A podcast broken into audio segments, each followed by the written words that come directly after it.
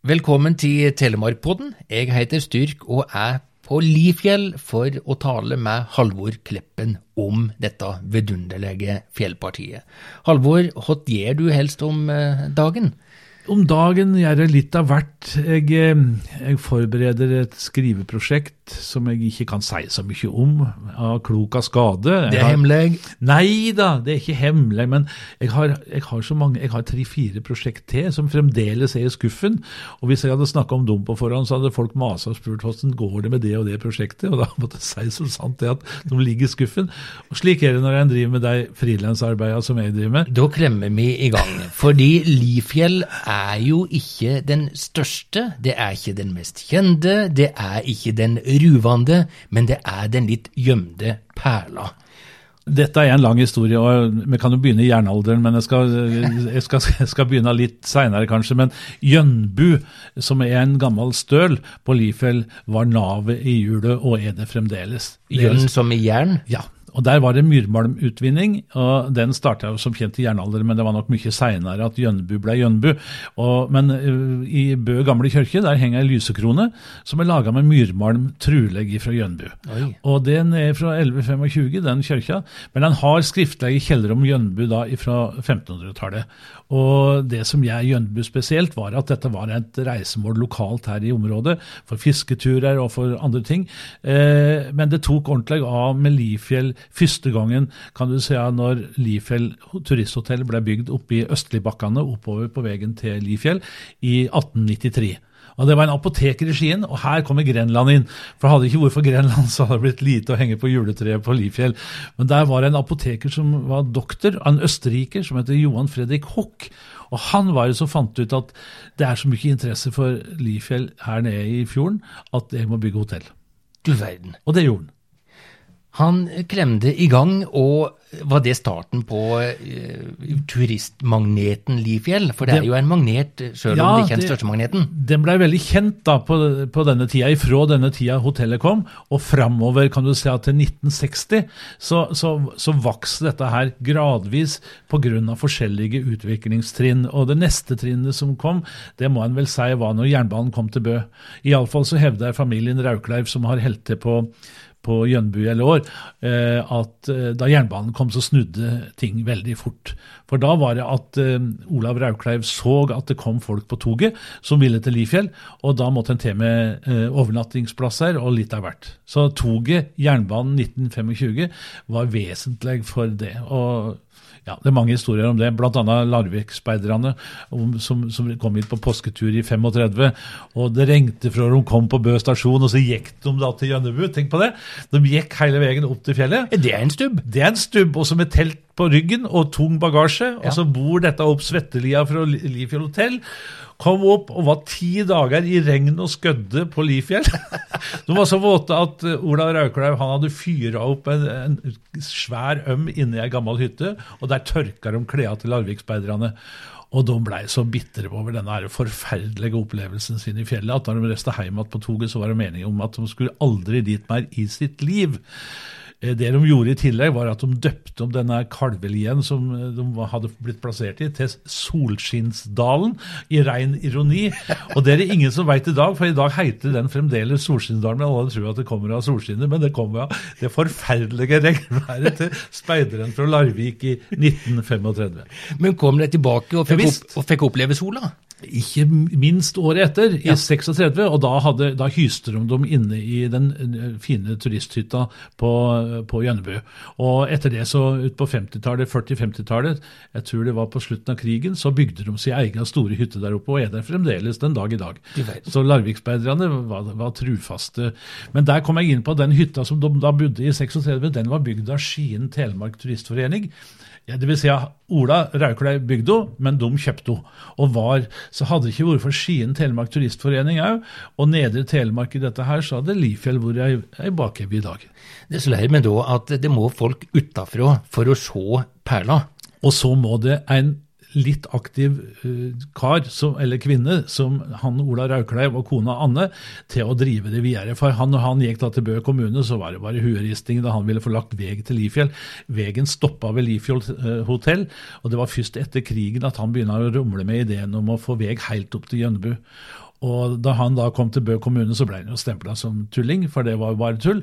Men det var jo ikke et nei var jo ingenting for Ola Rauklev, så han bare dura til VG-sjefen i Skien. Og VG-sjefen var da en del av dette turistmiljøet i Skien, så han sa klart det skal bli veg til Lifjell. Og dermed så ble det først veg til, ifra, ifra Lifjell hotell og opp til Skaret, og så gikk det beite, og så kom vegen ifra Skaret og helt opp til toppen på Lifjell, slik som vi har den i dag. Og det takket være eh, Hadde ikke han vegsjefen vært er jo kjent med Lifjell, så tror jeg Og i dag er dette fylkesveg, og det er jo vesentlig bedre enn om det hadde blitt en kommunalveg. Jotunheimen i miniatyr, er det noen som sier. Er det bare skryt, eller er det litt halv? Ja, Nå kjenner ikke jeg Jotunheimen godt nok, men vi har jo ikke de dramatiske fjellene kanskje på samme måten. Men, men, det er et praktfullt fjellområde, for det, har så mange, det er så variert. Eh, du kan gå på toppturer over 1300 meter, både hist og her. Og nå må jeg med en gang minne om at, at Lifjell er delt på fire kommuner. Det er ikke bare Bø, men innkjørsla her og, og, den aktive drifta har jo vært vesentlig fra Bø. Men Seljord, Hjartdal og, og Notodden har jo Eh, en god del av fjellet, den beste delen av fjellet kanskje. Men vi besøker det nå fra denne sida her likevel. Og jeg vil vel hevde at dette platået er unikt så nære Europa. For jeg sier jo På hvilken måte? Nei, jeg sier jo det at hvis du sitter skrevs over Jåranatten eh, 1300 meter, det er den fremste liksom, du ser når du kommer kjørende fra Grenland, så ser du Jåranatten. Hvis du sitter skrevs over denne Jåranatten, har en jækla god kikkert, og jorda er flat. Men Det er en forutsetning. Jorda må bli flat.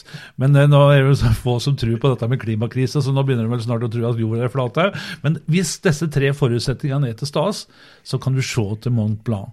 For det er ingenting imellom. Det er det næreste fjellet til Europa. Det er ikke dårlig idé. Nei, det er ikke dårlig. Har du sett det sjøl noen gang? Nesten? Nei, men jeg kan se danskebåten fra Larvik. Det, det, går, det, går, det, går, helt greit. Når det er klarvær, så ser du danskebåten. Men det er dette med den kuvinga på jordkloden. Så hvis en bare får ordna opp i det, så sneier den ned over Jylland og ned i Tyskland og forbi Svartsvald og helt ned til Alpene, og der, der, der ligger Mont Blanc. Du er en stolt ambassadør, Halvor, for Lifjell? Ja, jeg er veldig kry av det. Du kan si at dette platået bak han her, det er liksom det som det er en sånn bygdesang som heter 'Under Lifjells breie barmer ligger bygd så ven og vi'. Det er nokså søtladen, kanskje, i, i, sånn i, i 2019-2020, men, men eh, det, det, er nettopp slik vi føler her i Bø. Vi ligger liksom trygt eh, under Lifjell, og, og for oss er Lifjell et, et reisemål hele tida. Og så har Det blitt, det var, lå nede en god del år, men, men det har kommet voldsomt opp igjen nå i det siste. Og Det er knytta til veldig til denne vegen. ikke sant? Hadde vi ikke fått vegen opp dit, og når vegen kom, så kom Lifjellstua på toppen. Når Lifjellstua kom på toppen, så kom det eh, flere turister. I 1980 så kom eh, Lifjell skisenter, familien Norheim, som har og driver Torildstull eh, her oppe på fjellet, bygde med egenkapital hjemme til gården omtrent, et, Lifjell skisenter. Og det er det Lifjell skisenter vi har i dag òg. Og de har utvida, utvida, utvida, utvida, og nå er det Lifjell ferieland. Men det er ikke noe stort alpinsenter. Men gjett om Atle Skårdal, som hadde dette som si fødestue, syns Lifjell er stas, og gjett om alle andre syns det er stas. Det er et uh, veldig fint anlegg for, for hele familien. Det lærer meg at Lifjell er litt lågmælt sammenligna med en del andre destinasjoner. Det er ikke de voldsomme orda verken på nettet eller i den fargerike brosjyra som er plukka opp på en bensinstasjon på, på Notodden. Speiler dette litt av eh, lynnet? Ja, nå har vi nok hytt rimelig fett om Lifjell før i tida, men da hadde vi liksom, eh, da var vi størst. Når det var 1200 biler i påska, og det var kork og kaos og søyla skvatt eh, og sånn, da var det Lifjell som var eh, målet for reisa. Rauland sjølsagt kom etter hvert, men, men Lifjell var størst. Men akkurat nå så tror jeg vi trives veldig godt med den forma Lifjell har. Det viktigste er at de tingene som er der, har god kvalitet. Og det tror jeg alle er enige om at nå bedres kvaliteten år for år. Eh, det siste tilskuddet det er jo denne restauranten på Lifjellstua, som har blitt en, eh, en av de beste spisestedene, tror jeg, i Telemark. Eh, jeg vet ikke om det er noen kåringer for slikt, men, men, det har blitt så populært ikke pga. kraftig annonsering og skryting i media, men Jungeltelegrafen har fortalt at skal du ha god mat, så må du på Lifjellstua ete. Og det gjør børinger, og det gjør hyttefolket, det gjør andre. De reiser lange veier for å opp og ete på Lifjellstua. Og da trenger ikke dette være stort. Det må ikke bygge den ut som en sånn eh, gigantrestaurant. Det er ikke det som er målet, men det at de tingene som er på Lifjell, har høy kvalitet. Og Vi har et lag der oppe som heter Lifjell løypelag det er jo høy kvalitet. Det er en gjeng frivillige som går og knarter på steiner oppi der for å knuse kampesteiner. De har med seg batteridrivet bor til fjells bare for å prøve å gjøre stier og slik lettere for tilgjengelighet. Men de gjør ikke dette som en sånn autobane i fjellet. Det skal være stier. Det skal ikke være uh, kraftige veier. Og Den eneste motoriserte fersla som alle aksepterer der oppe, det er Wieselen som går om vinteren. Den er gjort fra 50-tallet. Familien Folkestad driver en støl inne på Lifjell som heter Hollandet. Høllen, som vi sier i Bø. Den ligger i Heddal for, for, øvrig, Notodden kommune. Men der driver familien Folkestad, og nå er det eh, turisthytte om sommeren. og Der er servering og liv inne på den, og der kjører de altså wieseltrafikk på vinteren. Fram og tilbake til Gjønnebu og opp til Hollandet. Og det er et fantastisk eh, tilbud for folk, syns jeg. Det godtar alle, akkurat den ferdselen? Det har vært en del protester mot dette òg. For at uh, den duren og sånn, da er det noe som har blitt sjenert av. Men heldigvis så har de fleste tatt til vettet her og sett at dette er et, et, veldig pluss. Ikke minst for å gjøre fjellet tilgjengelig for folk som kanskje har litt mindre evne til å komme seg innover. For eh, alle er enige om at livet blir egentlig bare finere og finere, finere til lenger inn du kommer. Og det har vært motivasjonen for at folk går i fjellet. Men jeg ser nå rundt uh, Bøkstundlatten eller opp Klintokleiva, som før var en sånn der, uh, vegg du måtte klatre opp. Svette og krøgne, og ungen måtte ha minst fire Kvikk på toppen for at du skulle hæle og gå opp der. Nå er det bygd en fin eh, gangvei på utsida, eh, liksom en sving, og den gjør det mye enklere å, å komme seg opp til toppen. Så eh, tilgjengeliggjøring på en moderat måte, det tror jeg er kjennemerket. Og, og, kvaliteten på det arbeidet som Lifjell løypelag gjør, den er helt eh, Ikke minst ser du på skiltinga, og til sommeren nå så vil en få en overraskelse når en kommer på toppen av Østernatten. Der har de laga Jeg tror ikke jeg skal si noe om det. men det, kommer, det. det kommer noe på toppen av Østlandnatten. Ja. Når, når, du ser det ikke fra lenger nede, men når du kommer opp der og står der, så får du en overraskelse når du skal ta og kikke på utsikten. Da kommer svaret. Og der er det først og fremst eh, jeg må få med meg om jeg drar til Lifjell vinterstid i dag? Det spørs jo interessen til folk. Folk er så forskjellige. og, og sånn, eh, Jeg vil tro at eh, kombinasjonen av et ikke ødelagt område. Da er jeg snill og ikke sier noe, noe, stygt om andre. Jeg sier bare at her er det eh, greit å slippe til, og fjellet er eh, ikke nedbygd. Eh, du kan gå i løyper innover og, og, kose deg i fjellet, eller du kan renne på ski. Så, eh, og for deg som nå, nå, ligger, nå er lagt ut eh, vel regulert til 450 hyttetomter i fire forskjellige områder på Lifjell. Eh, disse områdene de, de ligger litt spredt, men, men, men, disse fire områdene er veldig forskjellige. Men det burde være noe for enhver smak. Så, så hyttefolk, hvis du har lyst på ei hytte som er nær, og som du slipper å kjøre timevis til å komme til, særlig for folk i Grenland og Vestfold, så ligger Lifjell der som ei perle. og Noen av disse tomtene er bare sånne panorama- utsiktstomter, og andre er litt mer tilbaketrukket korrekt, men det er jo folk er forskjellige, så det er mange grunner til at du bør reise på vinteren. men du bør reise på sommeren òg. det er hovedmagneten da? Nei, det er egentlig det samme, for nå er det tilgjengeliggjort så fint. Så du trenger liksom ikke eh, overnattingsutstyr, du trenger ikke stor ryggsekk. Du må selvsagt ta eh, de hensynene du må i fjellet ellers, men det er lett å gå på Lifjell nå, selv om du må opp bakker og opp kneiker og sånn, men det er jo sunt, da. Og eh, jeg vil rå folk til å få seg et godt kart, og så følge ruten som løypelaget har gjort. Og jeg vil jo òg si at hvis du er på Lifjell en god del, så lønner det seg å være medlem av dette løypelaget. Så, eh, fordi at da, da, får du tilsendt informasjon som gjør at eh, fjellturen blir mye enklere for deg. Eh, men sommeren så er det det at de som har kjøpt hytte nå, har nok òg med tanke på at sommeren har blitt eh, god sesong. Sommerland kom i 87, og etter at Sommerland kom, så, så blei Bø en sommerdestinasjon eh, kanskje enda sterkere enn vinterdestinasjon. Og, og, det er jo fra 150 til 240 000 mennesker som besøker denne parken hver eneste sommer. Og har du da hytte på fjellet, så er det klart at uh, det er ikke noe minus uh, hvis du har unger i familien, at, at, det ligger Nordens største vannpark rett ned, under, rett ned beina på deg. Det gjør ingenting, det. Det er ikke noe ulempe. Nei, det er ikke det. har du vært mye sjøl på tur i fjellet? Ja, jeg har ikke, vært, ikke de siste åra. Men jeg, har, jeg, jeg, hadde den siste fjellturen sjøl, som noen hadde. Det var en gjeng som var oppover nå i november på beina. Og da var det eh, før snoen kom. Og det var en uh, veldig koselig og fin tur. Det var da jeg først så hvor fint tilrettelagt det er gjort. Denne tilrettelegginga som er diskré. Den er liksom ikke noe inngrep i naturen, men den er gjort for at det skal gjøres enklere. Det er ikke akkurat så så det er ikke noen Sherpa-sti som i, opp til Falkenuten men, men det er på, i Rauland, men det er veldig lett tilgjengelig fjellet nå. Hvis en bare, men en må jo ha en viss grunnform.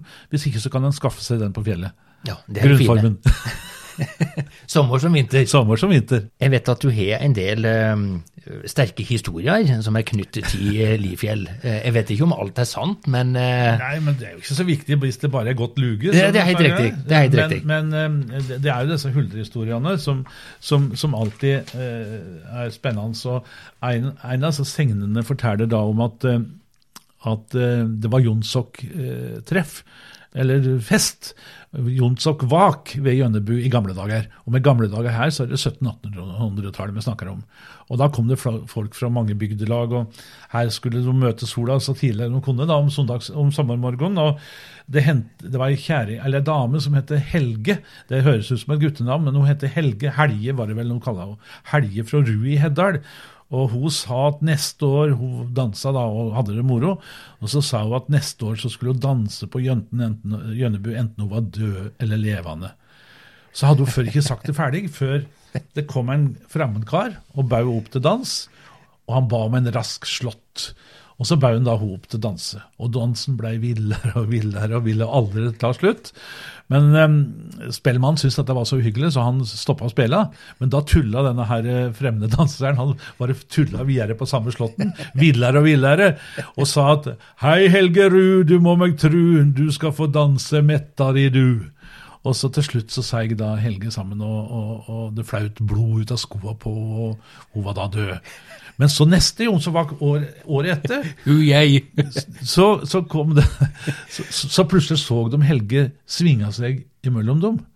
Bleik og gusten var jo i leten, men hun sang da Å hei, så danser du Helgerud med gustne kinner og bleike, jeg lova i fjor ved Jonsokbil jeg ville på Jønnebu leike. Og så forsvant hun. Og det er det ene, men det har vært, det, det, helt opp i nyere tid så har en sett huldra på Lifjell. Nils Folkestad, som var han, eh, så en av disse tidligere som drev Hollande seter inne på Lifjell, Helt opp på 1950-tallet så så han huldra inne ved Dyrdalen. Og det var rett og slett Han så ei som var veldig fin her, som han så etter, og som kom ned til veien der han gikk med eh, hestekløvet sitt. Og så og han blei jo litt fæl, da, men hun var jo så vakker. Det var den dama, ikke sant? Så han satte seg ned og ville til å prate med henne, men så snudde hun seg, og da så han at hun hadde rumpe bak. Oi. Og det er et dårlig tegn. Hvis kvinnfolka har rumpe bak, sånn rove som henger ut, lang altså rove hale. Bak. Hale heter det. Ja. Hale bak. Oi. Ikke hestehale, men hale bak. Ja. Det er dårlig tenkt. Altså litt si hestehale. Han skjønte. Ja, du kan se av det, men når du Ja. vokser ut av den nedre delen av ryggen, som i dette tilfellet, så er det ikke hestehale. Nei. Det var huldrehallen. Og Og dette våga han å fortelle om, dette møtet? ja, ja, han fortalte om det, men det var, hot gjorde han da? Ja, Da ble han livredd, for han skjønna det var huldra. Så han, men han visste at huldrer de tåler ikke blankt stål, så han tok opp tøljekniven og blengte med den, og så kastet han den etter huldra. Og både huldra og tøljekniven forsvant. Å, fy da. Jeg trodde du skulle si at han ble klinkende edru, jeg, og så forsvant han. Nei, og du, du skjønner, det er mange som har hevda han har sovna, og de erta han og litt Nils da, for dette her, men han var vaken, som han sa, og han var klinkende edru, og, øh, og alt dette her var ei oppleving som han hevder. Så det er en utfordring for deg som reiser på Lifjell, å se etter at hvis du ser fine jenter oppå der, så se om du har hale bak først. Det er et godt eh, råd fra en kjent mann. Du har ikke sett sjøl, Halvor? Nei, jeg har ikke det. Og jeg er vel, jeg er vel litt mer i tvil da, om, om Ja. slike historier. Ja. Om eh, Lifjell skulle bli bedre på noe, eh, hva tenker du det, Ja, det være? Nei, det er et godt spørsmål. Det som er problemet med å drive f.eks. et alpinsenter, det er dette med høna og egget. Hva kommer først? Du må ha folk som bruker skibakkene for å drifte det. For det er kostbart med arbeidskraft som skal drive et skisenter. Men samtidig så må du ha et skisenter for å få folk. Og her har dette gradvis skjedd, så jeg syns det har vært en fornuftig utvikling av utbyggings... Det har ikke vært noe sånn desperat utvikling av alpinanlegg. Og jeg vet at det er planer om utvidelser, men de lar de ligge til de føler seg tryggere på driftsforma. Eh, så ikke, jeg savner vel egentlig ikke noe annet enn at eh, folk får øynene opp for hvor fint dette området er, og at flere bruker det. Eh, og nå har f.eks. kommunen, som jeg tror er mye mer interessert i Lifjell enn å var i gamle dager, der de som stort sett sa nei til veier og det meste, så er de veldig interessert. Nå bygger de nytt høgdebasseng på, for vann, slik at du skal sikre trykket nå når det kommer flere hytter. Og alle slike ting syns ikke, men det er sånne infrastrukturtiltak som er så enormt viktige for at dette skal bli bra. Så gradvis så syns jeg produktet blir bedre og bedre. og Jeg snakka med Aslaug Farnes, som er født Raukleiv, og som er den som er bor fast på Jønbu i dag. Og hun òg sa det samme, at hun syns det er så mange ting som skjer på Lifjellen som er positivt. For det har jammen vært tunge år før, mange år, og, og nå skjer så mye som er hyggelig og positivt. Og mye flinke folk, yngre folk, som, som tar tak. Og disse hytteområdene blir veldig vakre og fine. Eh, folk vil bo tettere nå enn de gjorde i gamle dager. Da bodde liksom hytta var, Det måtte være 300 meter til nærmeste hytte omtrent. Nå bor folk i områder som er mye tettere, men det er jo slik folk vil ha det. og, og Nei, Lifjell eh, har jeg veldig tro på framover, og, og jeg er veldig takknemlig for, for all den eh, støtta som Lifjell har fått fra Nedre Telemark. For den, den kan jeg ikke si nok om, egentlig. For jeg tror eh, Ta Arne Pedersen bussruter, som la ei bussrute opp til Gjønnebu. Jeg snakka med Aslaug Farnes på Gjønnebu om dette, her, hun sa det var jo bussjåførene ledde av omtrent, for det var jo mange ganger de kjørte med tomme busser. Men eh, Arne Pedersen han var så entusiastisk at han sa at eh, nei, Lifjellruta det var den beste han hadde, og, og slik.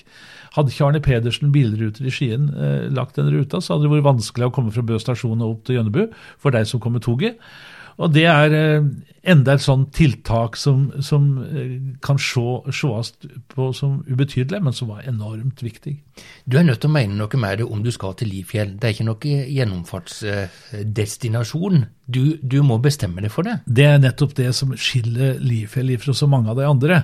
For når Lifjell hotell ble bygd òg, så var det endestasjon. Og hvis du tenker på Dalen hotell, eh, hotell i Åmot, Morgedal, disse hotellene vi har i Telemark som har blitt, blitt destinasjoner i seg sjøl etter hvert. Men de var ikke bygd som det, de var bygd for gjennomgangstrafikken. Og den gjennomgangstrafikken var jo det som Eller reiselivet, den gjennomgangsturismen, det var greia. Men så blei jo disse forskjellige bedriftene så bra at de blei destinasjoner etter hvert. Men Lifjell har aldri vært noe annet. Det stopper der, det slutter der. Det er ingen som kommer lenger enn dit. Så, så du må ha det som et reisemål.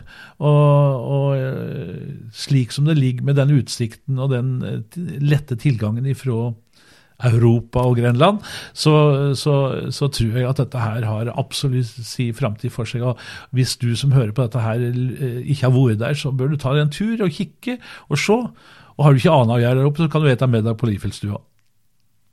Og blir ei stor oppleving rikere, skulle jeg tro. Ja, Frisk luft, god helse, mange muligheter. Men jeg er nysgjerrig på Du nevnte de tunge åra.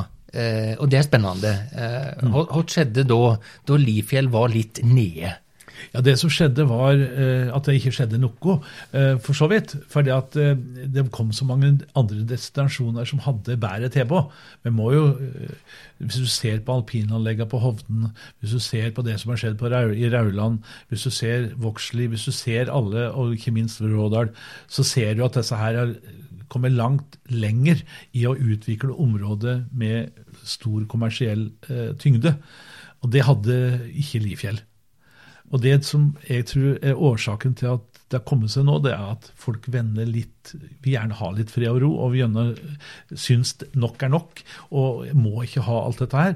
Og så ser de det sammen med sommerproduktet. For den gangen så var ikke, det var ikke et sommerprodukt i Bø. Bø hotell, som ble bygd eh, i 19, sto ferdig i 1970, så vidt jeg husker. De hadde jo sommerstengt. Det var fellesferie i juli, og de hadde ikke gjester. Nei. Og nå er det jo pakka hus hele juli. Og, og, så, så, hele ting lå mye mer stille eh, på den tida, og, og, og sakka akterut. Men nå gradvis, så jeg tror rett og slett at vi høster litt på noe av fordelen av å ikke være først ute. For nå kan vi, eller nå kan de som er på Lifjell og styrer på Lifjell, de, de drar med seg erfaringene andre har gjort, og teller til 100 før de gjør noe. Før så teller de bare til 10. Men at den skal være litt lågmælt, at du tenker det ligger, at det ligger litt i tida? Ja, altså, det, det, er klart du har ikke muskler til å være høgmælt heller. For det er, ikke, det er, ikke, så stort at han kan gå ut i noen voldsomme markedskampanje. Men, men se på den fine uh, brosjyra som du nettopp uh, refererte til, ja. som heter Lifjell. Det er en stor, en stor brosjyre som forteller om et mangslungent produkt som har og Der står det jo om løypelaget, som jeg har sagt en del om. Eh, det er ikke alt dette som har største bokstaven, men det er med på å skape kvalitet i et område som, som er perle. Dagens Lifjell-brosjyre er eh, fargerik og flott, om enn ikke på glansa papir, fordi det er jo ikke så bra for miljøet, men det er sprut i brosjyra de var jo gode til å lage brosjyrer i svart-hvitt-tida òg. Der har du en rakkar, Halvor. Jeg har en rakkar, og det er en brosjyre som, som har blitt laga av, av, av, reiselivet i Telemark i 1936. Eller 37, jeg er ikke sikker, nå skal vi se på baksida her. Og Det står 1937, Aha. og den er laga på fransk. Og den feirer da ballongen som datt ned på Liefeld i 1870. I den fransk-tyske krig så ble Paris beleira, og 62 ballonger ble sendt opp fra Paris for å sende beskjeder til de franske styrkene som var lenger unna. For de var da helt beleira, kom ikke inn eller ut et menneske. Én ballong gikk vill og for over Nordsjøen og landa på Lifjell i november i 24. november i 1870. Liefjell Lifjell Hotels eier, herr Hock, som jeg tidligere har snakka om, han finansierte reising av en minnestein oppe i lia ved Strond. Det ligger i Seljord kommune, men bøæringen syns Pytt, pytt. Pytt, pytt. Lifjell er Lifjell. Og, og, og denne brosjyra på fransk er jo en fantastisk brosjyre med masse fine bilder fra Strond og ballongkorga og, og slik. Og meninga med den var rett og slett nå må det komme franske turister til Telemark og til Lifjell. Og det er ingen som har sett en fransk turist etterpå. Jeg har spurt flere av disse bedriftene. Det er ikke registrert at det kom en eneste franskmann. Så det er ikke alle brosjyrer som selger, men det er veldig moro med brosjyre med den illustrasjonen. Påska har hatt en spesiell tradisjon på Lifjell. Det er uh, disse speiderne som jeg har snakka om fra Larvik, som starta denne tradisjonen med å ha ei uh, messe, ei påskemesse, inne på Høllen uh, langfredag. Og da kom alle slags folk dit. Det var ikke bare de absolutte kirkegjengerne, men det var mange andre òg som søkte dit, for de syntes dette var en fin høgtid. Ikke alle trodde like hardt? Ikke alle trodde like hardt, men alle trivdes veldig godt med den eh, messa, og ikke minst synginga der oppe i fjellet. Og eh, de utvida denne tradisjonen til å gjelde første påskedag, og den hadde de da messe på nede på Gjønnebu. Men denne tradisjonen den, den flytta da til fjellkirka, som ble bygd uh, mye seinere. Lifjell fjellkirke ble ferdig i 1969, og, og, og da flytta disse tradisjonene dit. Og der på fjellkirka har det vært Det er jo en veldig viktig stad for Lifjell, uh, fordi at leirskoler og uh, gang, ganske mange konfirmasjonsførebuingsleir, mange slags aktiviteter har vært der som har vært med på å øke volumet av folk. Hva betyr Lifjell for deg? Jeg prøver ofte å si at jeg er mer telemarking enn bøæring, men det Lifjell er med på å gjøre meg veldig solid bøæring, altså for jeg er veldig glad i dette fjellet bak. Eh, kan jeg ta med en liten skrøne til slutt? Det var to gårdbrukere her i Bø som var ørlite grann eh, ja, de var ikke uvenner, men de var naboer, da, og den ene var veldig til å legge seg opp i drifta til den andre, og seint på høsten så, så sto potetene til den ene ute enda, og da sa han at nå må du jammen forte deg, sa han til naboen sin, for nå, nå, nå er det sno på natten, du må få opp potetene. Og da kom det fra den andre, jeg har ikke poteter på natten. Halvor Kleppen, tusen takk for historien om eh, Livfjell. Og takk for at du hører på Telemarkpodden. Styrk Fjærtoft, Lifjell.